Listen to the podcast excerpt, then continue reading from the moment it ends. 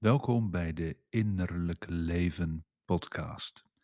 Vandaag een aflevering in reactie op een vraag van een luisteraar.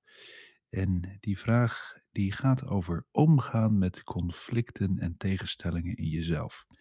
Ik zal de vraag introduceren en vervolgens ook eh, uitleggen hoe we dat gaan aanpakken vandaag.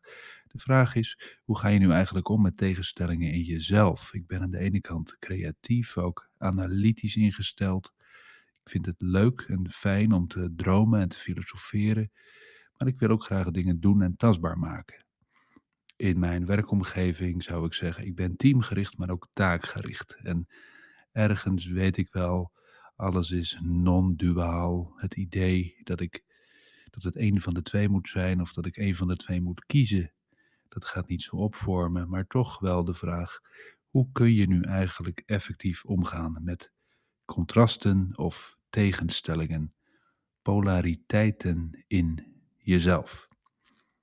Dat is de vraag voor vandaag. En eh, bedankt voor de vraag. Het is een, denk ik, hele goede vraag die we heel eh, diepzinnig zouden kunnen bespreken. Maar we moeten maar afwachten hoe diepzinnig dat wordt.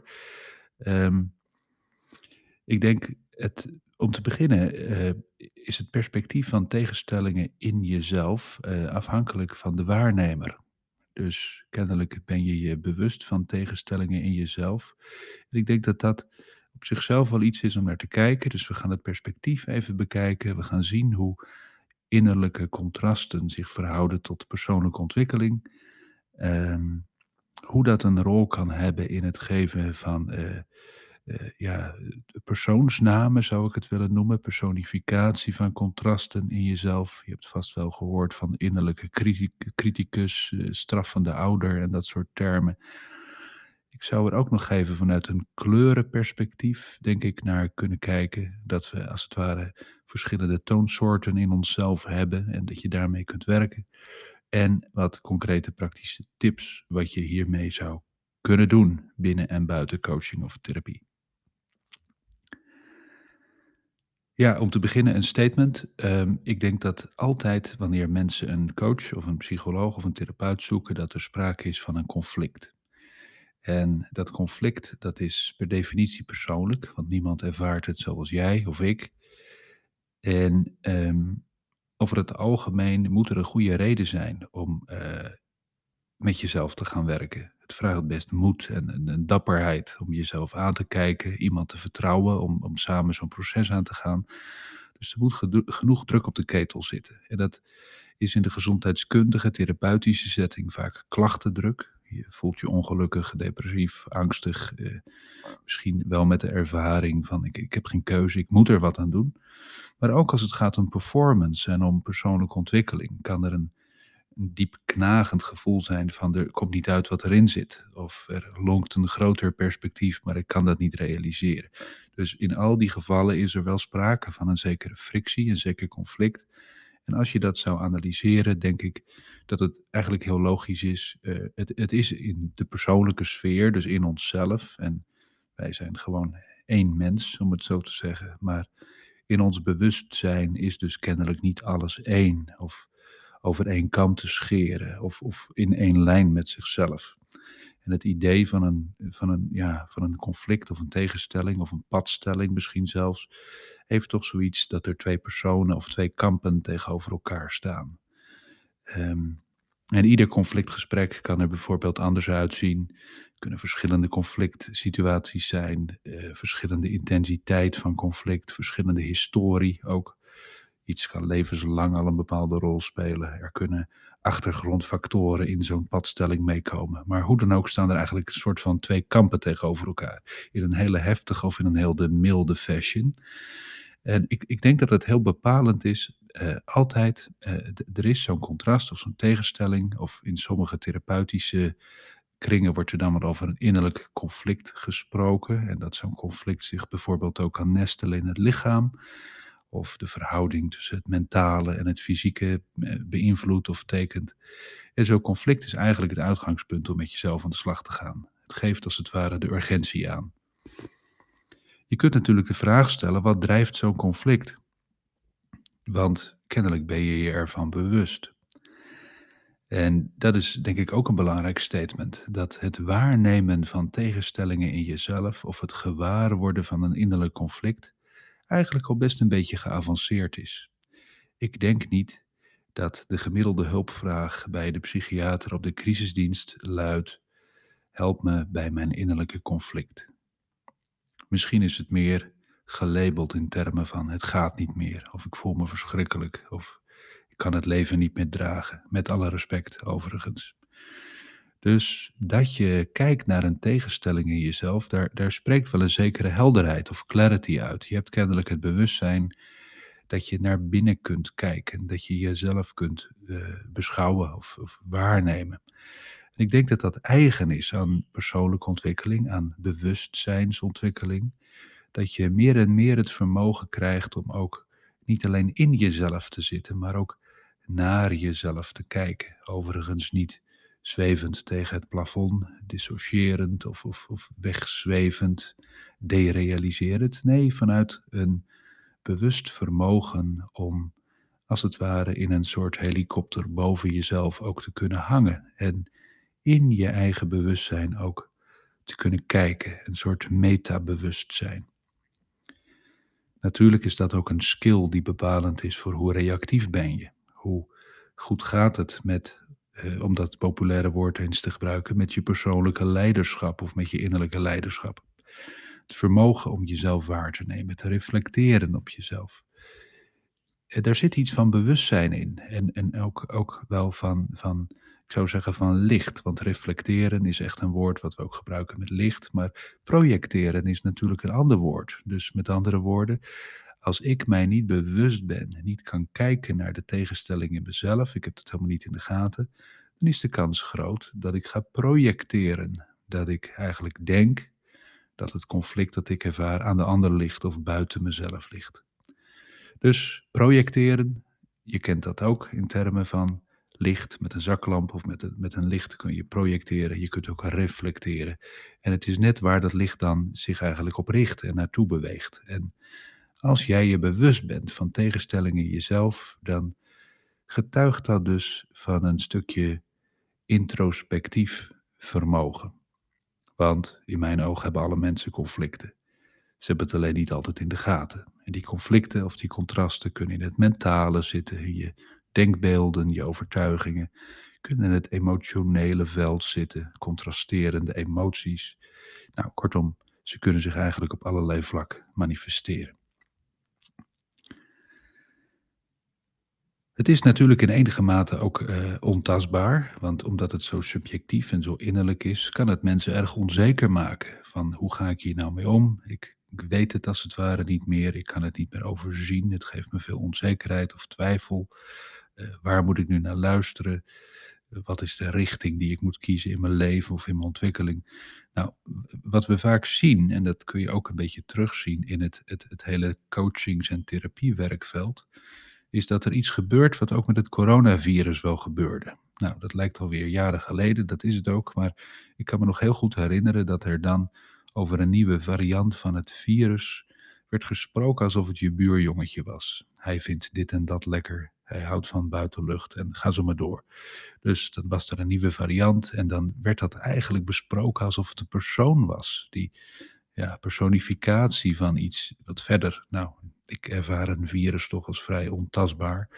Uh, is eigenlijk een heel interessant gegeven. Werd ook wel opgemerkt dat, dat het beestje een naampje kreeg, om het zo te zeggen. En maakte natuurlijk dat we ons allemaal een beetje beter konden verhouden tot, uh, tot uh, dat, dat kwaaie buurjongetje dat weer uit een ver land kwam overgewaaid. En wat, wat allemaal voorkeuren had om, om wel of niet schadelijk te worden en ga zo maar door. Nou, die personificatie zie je ook wel een beetje terug bij die innerlijke processen. Want als je contrasten of tegenstellingen in jezelf tegenkomt, kom je vroeg of laat ook in aanraking met de personificaties die er al bestaan. Er wordt in het werkveld van coaching en therapie in de brede zin, dus dan bedoel ik zowel de wetenschappelijke psychologische wereld die in de GGZ-sector tegenkomt, als ook de vrije markt voor psychologie en coaching, uh, zijn er verschillende terminologieën die eigenlijk wel woorden geven, namen geven aan die tegenstellingen in jezelf.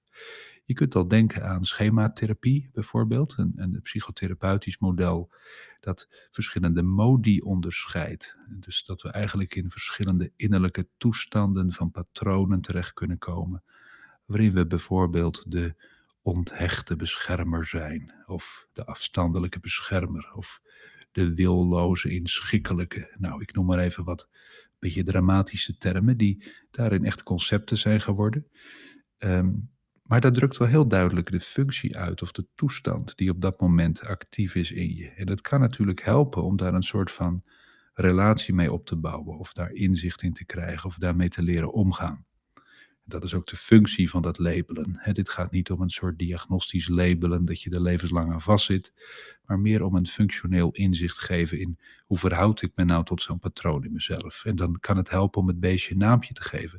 Dat geldt ook voor termen als de straffende ouder, een bekend concept, of de kritische ouder, critical parent. Het is eigenlijk overal in ons vakgebied wel aanwezig. En waarom is dat? Natuurlijk omdat zoveel mensen ermee tobben en op hun eigen manier een oplossing verzoeken, ook in therapeutische modellen.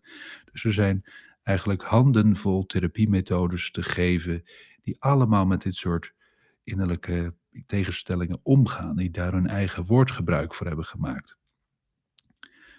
Het risico daarbij is, zoals ik net al even refereerde, dat je te veel gaat hechten aan die namen en dat het als het ware altijd over mijn, nou in mijn geval, mijn zesjarige Dirk Jan gaat. Of over mijn onthechte Dirk Jan. Of mijn, mijn nou, verzin nog maar zo'n term. En daar kun je een beetje in verkrampt raken. ik denk dat dat wel een eerste gegeven is. Wanneer je om wilt gaan met tegenstellingen jezelf. Is een stukje licht daarop krijgen. Het onderscheiden, het, het, zien daarvan wel belangrijk. Want dat is bewustzijnsvergrotend. Maar als je daarin verkrampt of uh, verklonterd raakt, zodat je als het ware daar niet meer lekker in kunt bewegen, niet meer wendbaar en flexibel naar kunt kijken, dan zou je kunnen zeggen, dan zit je met een nieuw probleem opgescheept. Dan word je er innerlijk minder flexibel van. Dat maakt dat ik zelf er meer van houd, um, of op zijn minst ook van houd, om wat meer een kleurenmetafoor te gebruiken. En met kleuren bedoel ik dan eigenlijk gewoon zoals er verschillende kleuren zijn eh, in, in, in verf, in, in lichtkleuren, maar ook in muzikale kleuren. Zo kun je ook wel de kleur wat nauwkeuriger proeven van verschillende kanten van jezelf. Het kan bijvoorbeeld zijn dat je een hele zachte, liefdevolle kant hebt. Uh, en dat die toon wat contrasteert met iets wat heel krachtig en ongeduldig is, om maar even een bekende tegenstelling te noemen. En dat refereert dan natuurlijk ook weer aan woorden als masculien en feminien, of andersom, eh, mannelijk, vrouwelijk, ga zo maar door. Um, door in kleuren te denken kun je wel wat opener en nieuwsgieriger kijken naar hoe zit dat nu bij mij en waar gaat dat om. Dus in de vraag van vandaag aan de ene kant creatief, maar ook analytisch, dromen, filosoferen enerzijds, maar ook doen en tastbaar maken. Je zou kunnen zeggen, als je die woorden alleen al leest, zitten daar misschien wat verschillende klankkleuren in. En dat kan de moeite waard zijn om die te, te ontdekken in jezelf. En dat is misschien meteen wel een bruggetje naar hoe ga je er nou mee om. Als een contrast of een tegenstelling heel problematisch is, omdat het echt een padstelling is, dan vraagt het eigenlijk eerst om een oplossing, dat het gevecht eraf gaat. En als het een gevecht is, dan is het over het algemeen een wat meer therapeutische indicatie. Dan wil je eigenlijk ook therapeutisch werk doen om als het ware de intensiteit daarvan te laten afnemen. Dat hou je niet uit een boekje, daar moet ook gewoon werk aan gedaan worden. Uh, in mijn ervaring zijn technieken als brainspotting, lichaamsgerichte technieken, uh, meditatieve technieken ook trouwens, die, die kunnen helpen om als het ware die intensiteit wat los te laten, een oplossing daarvoor te vinden, zodat het eigenlijk in je bewustzijn wat rustiger wordt en je er rustiger naar kunt kijken. Dat je er minder in zit in dat conflict en dat je het wat overstijgt. Een hogere orde perspectief. Refererend aan niemand minder natuurlijk dan Albert Einstein, die zei dat een oplossing voor een probleem eigenlijk altijd een hogere orde perspectief impliceert. Je kunt het probleem niet oplossen op hetzelfde niveau waar het zich manifesteert. Blijf je in cirkeltjes draaien. Dus Als de padstelling is, lijkt het therapeutisch werk te vragen, als het om heftige emotionele conflicten gaat. Als er bijvoorbeeld veel emotionele pijn aan zo'n tegenstelling vastzit, en dat is in, in de therapeutische context natuurlijk eerder de regel dan de uitzondering, dat er weggedrukte emotionele impact vastzit in een van die, van die twee kanten. En dat we dat eigenlijk helemaal niet weg kunnen rationaliseren, omdat het veel te betekenisvol is en dat het eigenlijk gewoon gezien en gehoord wil worden. Nou, dan vraagt dat een therapeutische approach. Het kan ook zijn dat het niet zozeer om een padstelling gaat, maar meer om een soort van wrijfvlak. Dat je eigenlijk niet zozeer de heftige urgentie hebt dat het echt klachten en problemen oplevert, maar je voelt wel dat het in je ontwikkeling wrijft. En dat als het ware het op een gegeven moment nodig wordt om een beetje te gaan prioriteren. Welke van die twee kanten is nu het leidmotief, om het zo te noemen. Nou, um, daarbij is het denk ik heel belangrijk twee dingen. Eén, uh, dat je heel goed leert luisteren naar jezelf. Dat lijkt misschien een wat vaag en zweverig advies, uh, maar dat is het helemaal niet. Want je kunt ongelooflijk veel lullen over psychologische eigenschappen en zo. Maar uiteindelijk moet dat afstemmen en beslissen. Is het nu creatief? Is het analytisch? Wat is het nou precies? Moet uit jezelf komen. Het kan niet zo zijn dat iemand anders je dat met een testje vertelt. Want dan is het eigenlijk een, een, een soort uitwendig gebeuren. En de goede innerlijke ontwikkeling komt ook van binnenuit. Ik refereer dan maar eventjes aan een hele oude aflevering. Je kunt mensen niks leren. Uh, ja, met uh, You cannot learn a man anything, Galileo. You can only help him Find it within himself. Nou, dat is een heel belangrijk mantra, ook voor mij geworden. Um, dus heel goed leren afstemmen op jezelf, goed leren luisteren naar jezelf. Daar hoort een stukje bij. Uh, ken jezelf, ervaar jezelf. Dus de een doet dat door te schrijven voor zichzelf en een notebook bij te houden met ervaringen of zijn of haar wezenlijke vragen voortdurend wat op papier te zetten, te mediteren met de ogen dicht gewoon eens even te zijn en het lichaam in te gaan.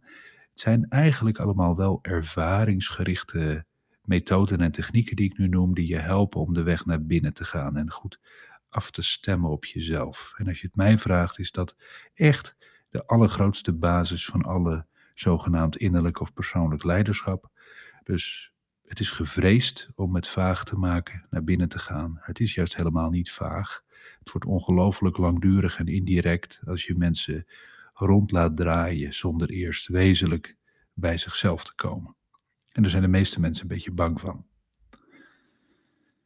Tweede aspect is denk ik dat er over het algemeen, als er een tegenstelling in jezelf huist, dat, dat het wel, zoals ik in het begin al zei, ook duidt op een zekere ontwikkeling. Je staat in een ontwikkeling, want je bent je hiervan bewust. En in de komende maanden of jaren zal zich vermoedelijk wel een, een, een bepaalde uitmiddeling van dat conflict laten zien. Dat duidelijk wordt dat een bepaalde kant in jezelf toch de boventoon gaat voeren. En daarin kun je ook wat meer zicht krijgen. Uh, bijvoorbeeld met de True Unification Matrix hebben wij bewust een instrument ontwikkeld om wat meer zicht te krijgen op de persoonlijke thema's in je leven. Waar gaat je leven nu eigenlijk over? Welke klankkleur is overheersend of bepalend? En hoe zorg je ervoor dat je je keuzes in je ontwikkeling, maar ook in je carrière, maakt in lijn met wat het meest belangrijk voor je is? Nou, dat hoef je natuurlijk niet met zo'n instrument te doen. Er zijn meer manieren voor.